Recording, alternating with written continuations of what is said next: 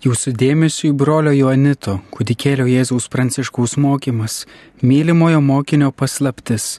Tai bus antroji dalis. Dabar pasakysiu baisiausią dalyką.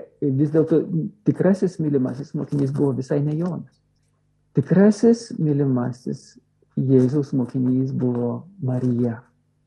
Nes būtent jos protas yra aštriausias, yra išminties sostas, kaip gėdame Marijos litanija, Loreto litanijoje, ji yra, tai jo širdis yra tyriausia, tai nekaltoji Marijos širdis, kaip jokia kita širdis. Ir Jono širdis tokia nebuvo, ir Juozapo širdis tokia nebuvo, kokia buvo Marijos širdis. Ir jos vėlgi jaunumas, jos dvasios jaunumas, kuris reiškėsi nu va tą nuostabą prieš Dievo veikimą pasaulyje, prieš Dievo veikimą jos tautos istorijoje, prieš Dievo veikimą jos pačios širdyje ir gyvenime, prieš Dievo veikimą jos mylimajame sūnuje Jėzuje. Tai va tikrai absoliučia prasme mylimasis Jėzaus mokinys yra Marija. O Jonas yra, kitaip sakant, jis dalyvauja, kuris yra Marija slėpinyje. Ir ta prasme tai yra didžiulės vilties ženklas kiekvienam iš mūsų. Tai reiškia, kad mes taip pat galime dalyvauti mylimojo mokinio slėpinyje.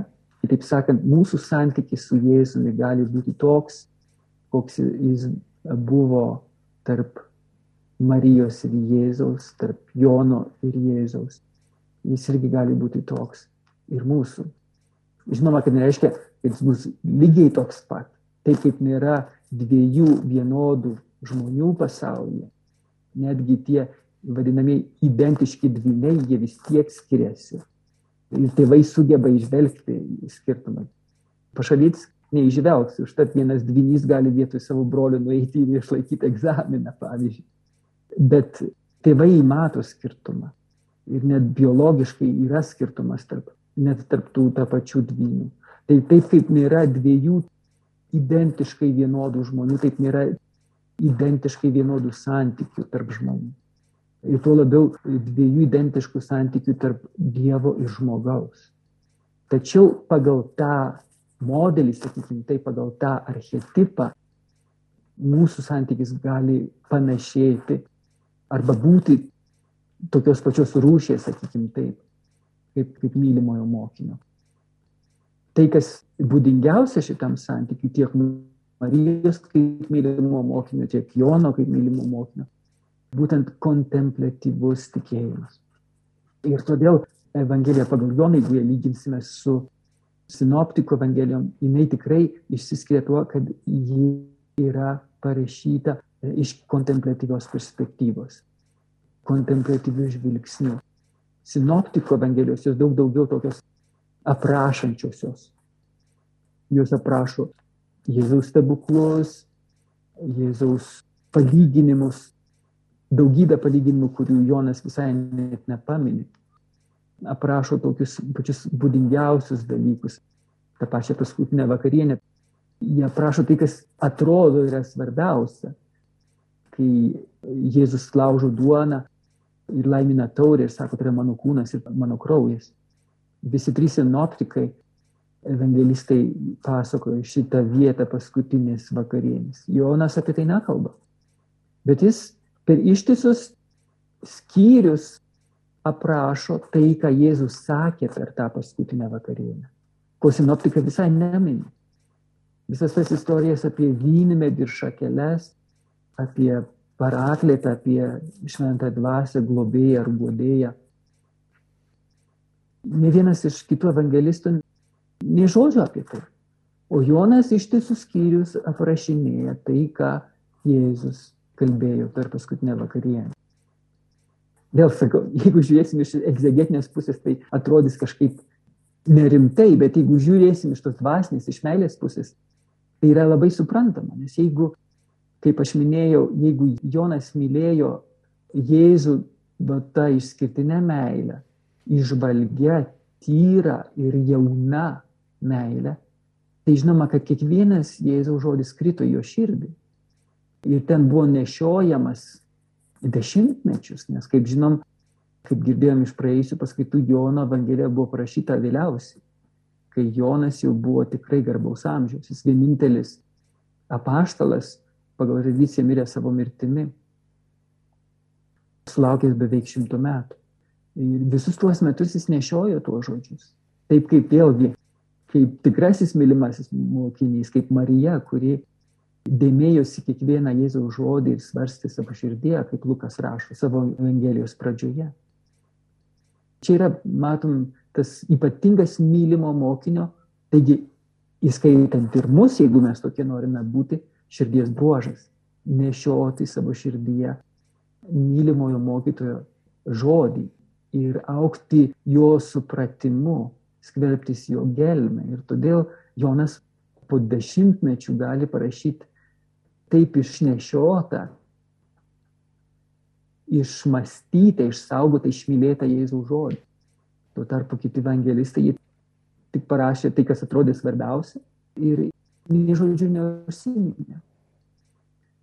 Velykų vakarienė vis dėlto buvo pavalgo, tai paskui jau beveik nekalbėjęs, gali būti taip, kaip su tuo jaunuoliu iš apaštalų darbų, kai Paulius ilgai kalbėjo iki išnaktų ir vienas jaunuolis atsisėdęs ten ant lango antram aukšte tiek kietai įmygo, kad nukrito ir užsimušė. Jeigu atsimena šitą epizodą iš apaštalų darbų. Tada Paulius turėjo leisti žemyn ir, ir jį atgaivinti. Tai va, toks va, kažkoks dvasios įmygis atrodo buvo apėmęs ir visus kitus apaštlus. Nieko neatsimena išskyrus tai, kad Jėzus palaimino duoną ir, ir vyną, reiškia dar prieš pavalgant. O jau paskui, kas buvo, niekas neatsimena. Ir Jonas visus tuos dalykus pasakoja. Kitas įdomus aspektas, į kurį Tomas Akvinėtis atkreipia dėmesį, kai jis komentuoja Šventojo Evangeliją. Jis aprašys visą Jono Evangelijos komentarą, kuris dėje neišverstas į lietuvių kalbą, kaip tai yra daug kitų bažnyčios taigų yra išsamei komentavę visas Evangelijas, bet ypač Jono Evangeliją. Tai būtent, kai pirmasis susitikimas su Jonu, Jėzaus ir Jono susitikimas, kai Andriejus ir Jonas, Jono Krikštojo mokiniai, kuris jiems parodo Jėzų kaip Dievo avinėlį, kuris naikina pasaulio nuodėmę. Reiškia tikrąją auką, kuri atperka iš nuodėmės. Avinėlis, tai žinom, yra pagrindinė Izraelio tautos auka, aukojama kiekvieną dieną, rytą ir vakarą. Deginamoji avinėlio auka. Ir kodėl kartojama? Todėl, kad kaip laiško hebrajams autorius sako, nu, neįmanomas dalykas, kad telyčios pelenai ir, ir jaučių kraujas gali apvalyti mūsų nuodėmes. Tai yra tik simbolis, tik ženklas. Vienintelis kraujas, kuris mus iš tikrųjų apvalo nuo mūsų nuodėmės, yra vienintelio tikrojo avinėlio Jėzaus kraujas. Ir kai Jonas Krikštojas parodo savo mokiniams, štai Dievo avinėlis, kuris naikina pasaulio nuodėmę, jo mokiniai Andriejus ir tas kitas mokinys Tokiu būdu Jonas save įvardyja, nes per visą Evangeliją tas kitas mokinys arba įmasis mokinys yra jis pats. Jie nusekė paskui Jėzų. Ir ten toj Evangelijoje yra tokie žodžiai, kai Jėzus sako, ateikite ir pamatysite. Jų klausimas, ko ieškote? Jie atsakė, rabi, mokytojau, kur gyveni. Jie sako, ateikite ir pamatysite. Tada jį nuėjo, pamatė, kuris gyvena ir tą dieną praleido pas jį. Tai buvo apie 10 valandą. 10 valanda tai yra maždaug 4 valanda po pietų. Nes laiką tais laikais skaičiuodavo nuo 6 ryto. Pirma valanda buvo nuo 6 iki 7, antra valanda 7, 8, trečia valanda 9 ryto, todėl tercija vadinama lotiniškai, trečioji valanda viena iš mažųjų dieninės valandų. E, vidurdienis yra šešta valanda, seksta ir devinta valanda yra trečia po pietų, devintą valandą Jėzus garsių balsų sušuko Eloi, Eloi lema sabachtani. Tai yra devintoji valanda. Trečia, vadinasi, dešimtą valandą yra ketvirta po pietų. Ir Tomas Akvinis sako, nu tai yra irgi tas laikas, kai paprastai žmonės eina pogulio, siestus o jie nusekė paskui Jėzų, nes jie troško to kito maisto, negu paprastas žmogus, jie troško maisto savo širdžiai, savo sielai ir buvo pasotinti daugiau negu galėjo tikėtis. Vėl kitas pavyzdys apie Jono santyki su Jėzumi, kurį taip brangino Jėzus Jone, mes jį galime rasti Evangelijoje pagal Luką. Nes čia vėl, jeigu žiūrėsim iš egzegezės perspektyvos, nu, tai yra kažkokia juokinga hipotezė, bet jeigu mes žiūrim iš dvasinės pusės, iš meilės pusės, tai jie skamba labai rimtai.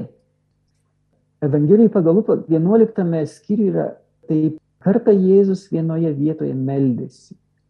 Jam baigus maldą vienas mokinys paprašė, taip įdomiai vėl, vienas mokinys, kaip pats Jonas save įvardyja Jono Evangelijai.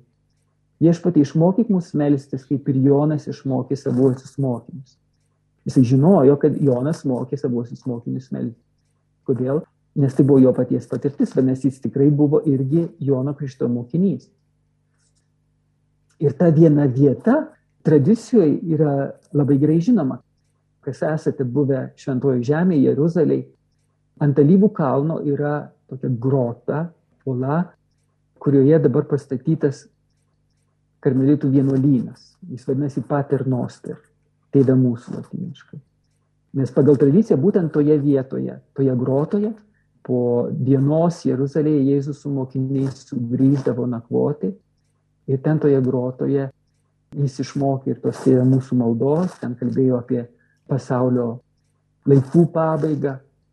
Visos tos jo kalbos pagal tradiciją yra būtent toje vietoje. Ir todėl tas vienuolynas vadinasi Pater Noster jo vidinėme kiemelėje yra tėvė mūsų malda, išdėliota mozaikomis, visomis, visomis kalbomis.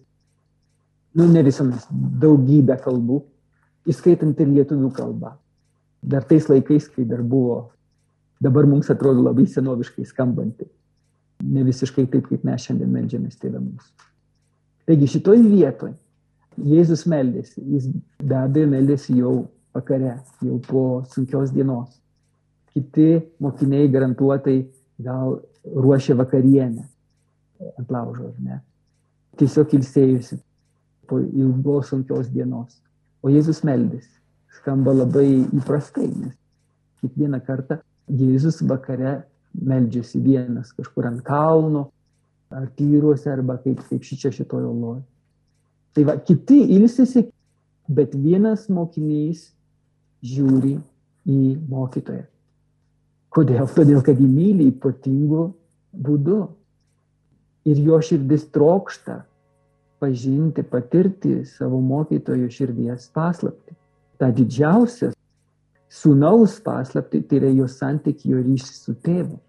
Ir būtent dėl šito Jono, nes, nu, va, kaip jau supratot, iš dvasinės perspektyvos žvelgiant, mes tikrai galime atpažinti, paklausti ir paprašyti. Dėl šito Jono proto svarbumo, jo širdies tyrumo, jo dvasios jaunumo mes gavome kaip paveldą sunaus širdies paslapti, jo santyki su tėvu, tėvė mūsų malda. Jėzus tarė jiems, kai melsite, sakykite, tėvė mūsų, esi šventas tavo vardas.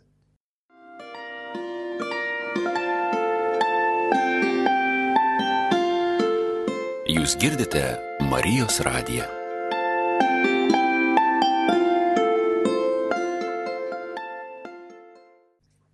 Būtent šitas aspektas iš Luko Evangelijos ir vėlgi kitas patvirtinimas būtų, kad Lukas savo Evangelijos pradžioje rašo, kad jisai stengiasi išsiaiškinti iš patikimiausių šaltinių apie tai, kas įvyko. Ir remdantis tai šaltiniais parašė savo Evangeliją. Tai kas yra patikimiausias šaltinis, žinoma, Marija pirmiausiai. Todėl mes turime Jėzaus vaikystės skyrius pas Luką ir mylimasis mokinys, kuris pasiėmė Mariją pas save po Jėzaus kryžiaus. Tai žinoma, kad jėdu buvo Luko šaltinis. Jeigu Marijos jau nebebuvo šio žemėje, tada Jonas, kuris be abejo toliau buvo mokomas Marijos. Nes Marija buvo Jėzaus mokiniai 33 metus, kiti apaštai tik 3 metus. Tai žinoma, kad paskui po Jėzaus prisikėlimo ir dangun žengimo iki Marijos dangun ėmimo, jie kartu gyveno Efeze, ten, kur iki šiol tebėra namelis, Marijos namelis Mirjan Mana, tai žinoma, kad Marija toliau perteikinėjo tas Jėzaus širdies paslaptis, kuris jinai pati buvo prieimusi iš Jėzaus, būtent Jonui, kuris jai buvo atiduotas Jėzaus kaip sunus, kaip mylimasis sunus. Man įdomu pasidarė, nes nuo Tomo šiek tiek skaityti bandžiau akaniečio šventą ir tas holastinė kalba labai e, struktūruota viskas ir savokos visos apibrieštos tiksliai. Kaip jis, kai rašo Evangelijos komentarus, ar tai tokia pačiu stiliumi rašo, ar gyviau? tikrai stilius yra toks pat, nu va, super tikslus, toks preciziškas, bet tikrai netoks sausas, sakykime, taip kaip suma teologija, pavyzdžiui, nes jis, nu va, ten kalba apie tokius širdies dalykus. Ir tikriausiai žinot, kad giesmės, kurios yra gėdamos per Dievo kūno šventę, per devintinės, jos yra sukurtos to mokviniečių. Ir kai matai, kad tai tikrai buvo ne tik tokios racionalios, tikslios, moksliukiškos sielos žmogus, bet ir poetinės sielos žmogus, tai kartais žypteli tas poetiškumas, jo toksai širdies tam komentarė, bet vis tiek komentaras yra toks va, akvinietiškas. Bet pasižiūrėti tikrai verta, tikrai įdomu. Ypač tas vietas, kurios gal mums atrodo tokios sunkesnės suprasti Jono Evangelijoje, tai tikrai įdomu pasižiūrėti, ką tiek akvinėtis, tiek bet koks kitas bažnyčios tėvų ar mokytojų yra rašęs. Augustino yra labai labai irgi gražių. Augustinas jau visiškai toksai oratorius, tai jis daug taip, kaip pasakyti, skaniau komentuoja tą Jono Evangeliją. Bet kuriuo atveju sakau, iš praeities lobynų mes galime pasisemti drįstu sakyti daug labiau negu iš šio laikinės egzegezės. Žinoma, kad šio laikinė egzegezė irgi duoda tam tikrą supratimą, bet jinai dažniau išdžiovina mūsų širdį, negu ją sudrėkina, kad įneštų vaisių. Į mūsų širdį pasėtų žodžio sėklos vaisių. Dar vienas jūratės klausimas. Kodėl sakoma, kad antrą kartą ateis į žemę, Jėzus bus rojus danguje, betgi turi būti žemėje? Tai rojus yra vertimas žodžio, kuris reiškia sodas. Ir sodas jis yra ne tik tas pirmykštis, pirmapradis sodas, kuriame gyveno Adomas ir Jėva iki nuopolio, iš kurio paskui buvo išvaryti. Bet taip pat tai yra sodas, kuris simbolizuoja mūsų sielą, mūsų širdį. Ir tai labiausiai mes galime jį išvelgti giesmių giesmėje. Tas vienuogynas ir sodas užanspauduotas šaltinis, kuris yra vien tik tai mylimajam, mylimosios, tai yra mylimosios širdis. Ir vadinasi, rojus danguje tai būtent tada, kai mūsų širdis bus pilnutinai jau danguje, o nebe žemėje ir ten tikrai galės visiškai laisvai gyventi Dievas ir mes su juo. Tai vėlgi tą rojų čia reikia suprasti ne tik pažodinę prasme, bet ir pirmiausiai simbolinę prasme. Tai yra mūsų siela. Mūsų siela perkeista palaimingojo Dievo regėjimo, jo šlovės, į tos begalinės meilės, kurie mes mylėsime Dievą. Ir sakau, begalinėse prasme, kad nu, va, vis tiek jau ten būsime amžinybėje. Žinoma, kiekvieno iš mūsų meilė bus skirtingo laipsnio, skirtingo karštumo, bet būtent todėl, kad tai bus visą amžinybę, jinai ta, ta prasme bus begalinė. Nes šventoji dvasia nuolat liesis iš mūsų širdžių į Dievą ir iš Dievo į, į mūsų širdis. Taip, siela tai gyvybė, siela yra gyvybės pradmuo, tačiau danguje mūsų gyvybės pradmuo jau bus nebe mūsų siela, bet šventoji dvasia, arba tiksliau mūsų siela perkeista šventosios dvasios, kuri ir yra amžinoji gyvybė, paties Dievo gyvybė. Jeigu mes gyvensime amžinai paties Dievo gyvenimu, tai būtent todėl, kad Dievas leis mums dalintis jo paties gyvybę, kuri yra šventoji dvasia, kuri yra meilė. Pati aukščiausia gyvybės forma. Kur siela būna po žemiškos mirties? Vienas Dievas tai žino, kur jinai būna.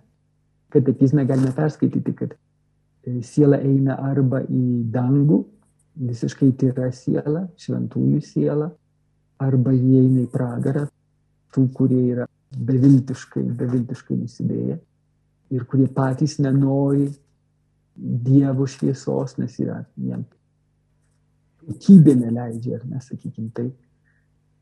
Ir taip pat skaistikla, skaistikla, kur dar galima iškrapštyti tai, kas yra supuvę, sugedę, nes tik tai tai, kas yra tyra išventa įeis į dangų.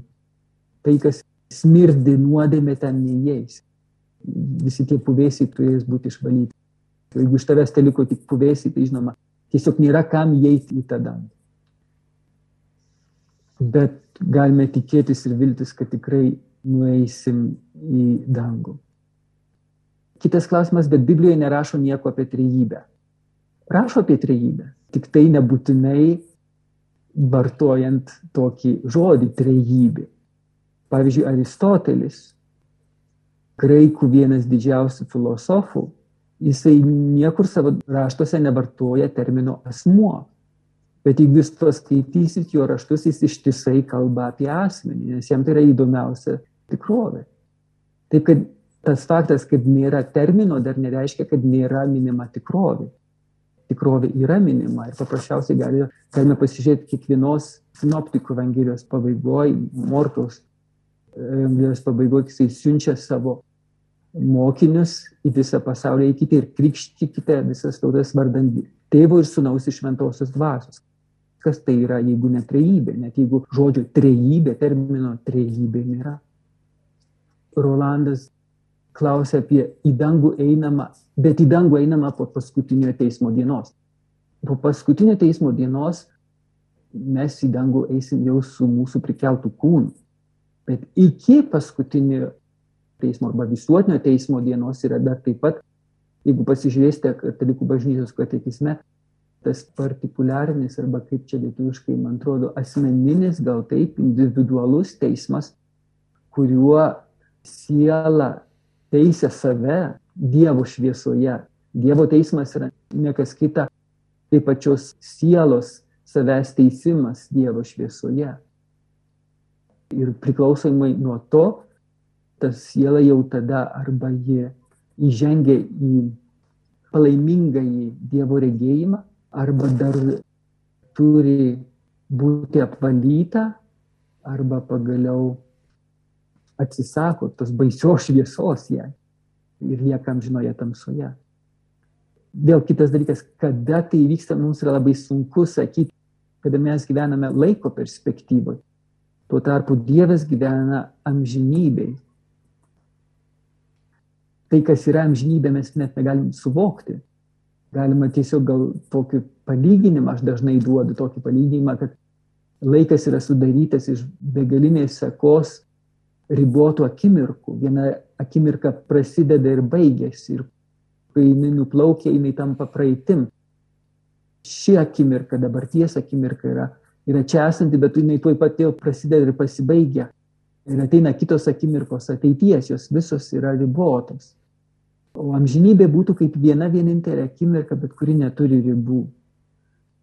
Čia toks atsakymas ir kitą tokį klausimą, kur žmonės sako, bet tai nuobodžiausime mes tam danguje, ką mes ten veiksim visą amžinybę.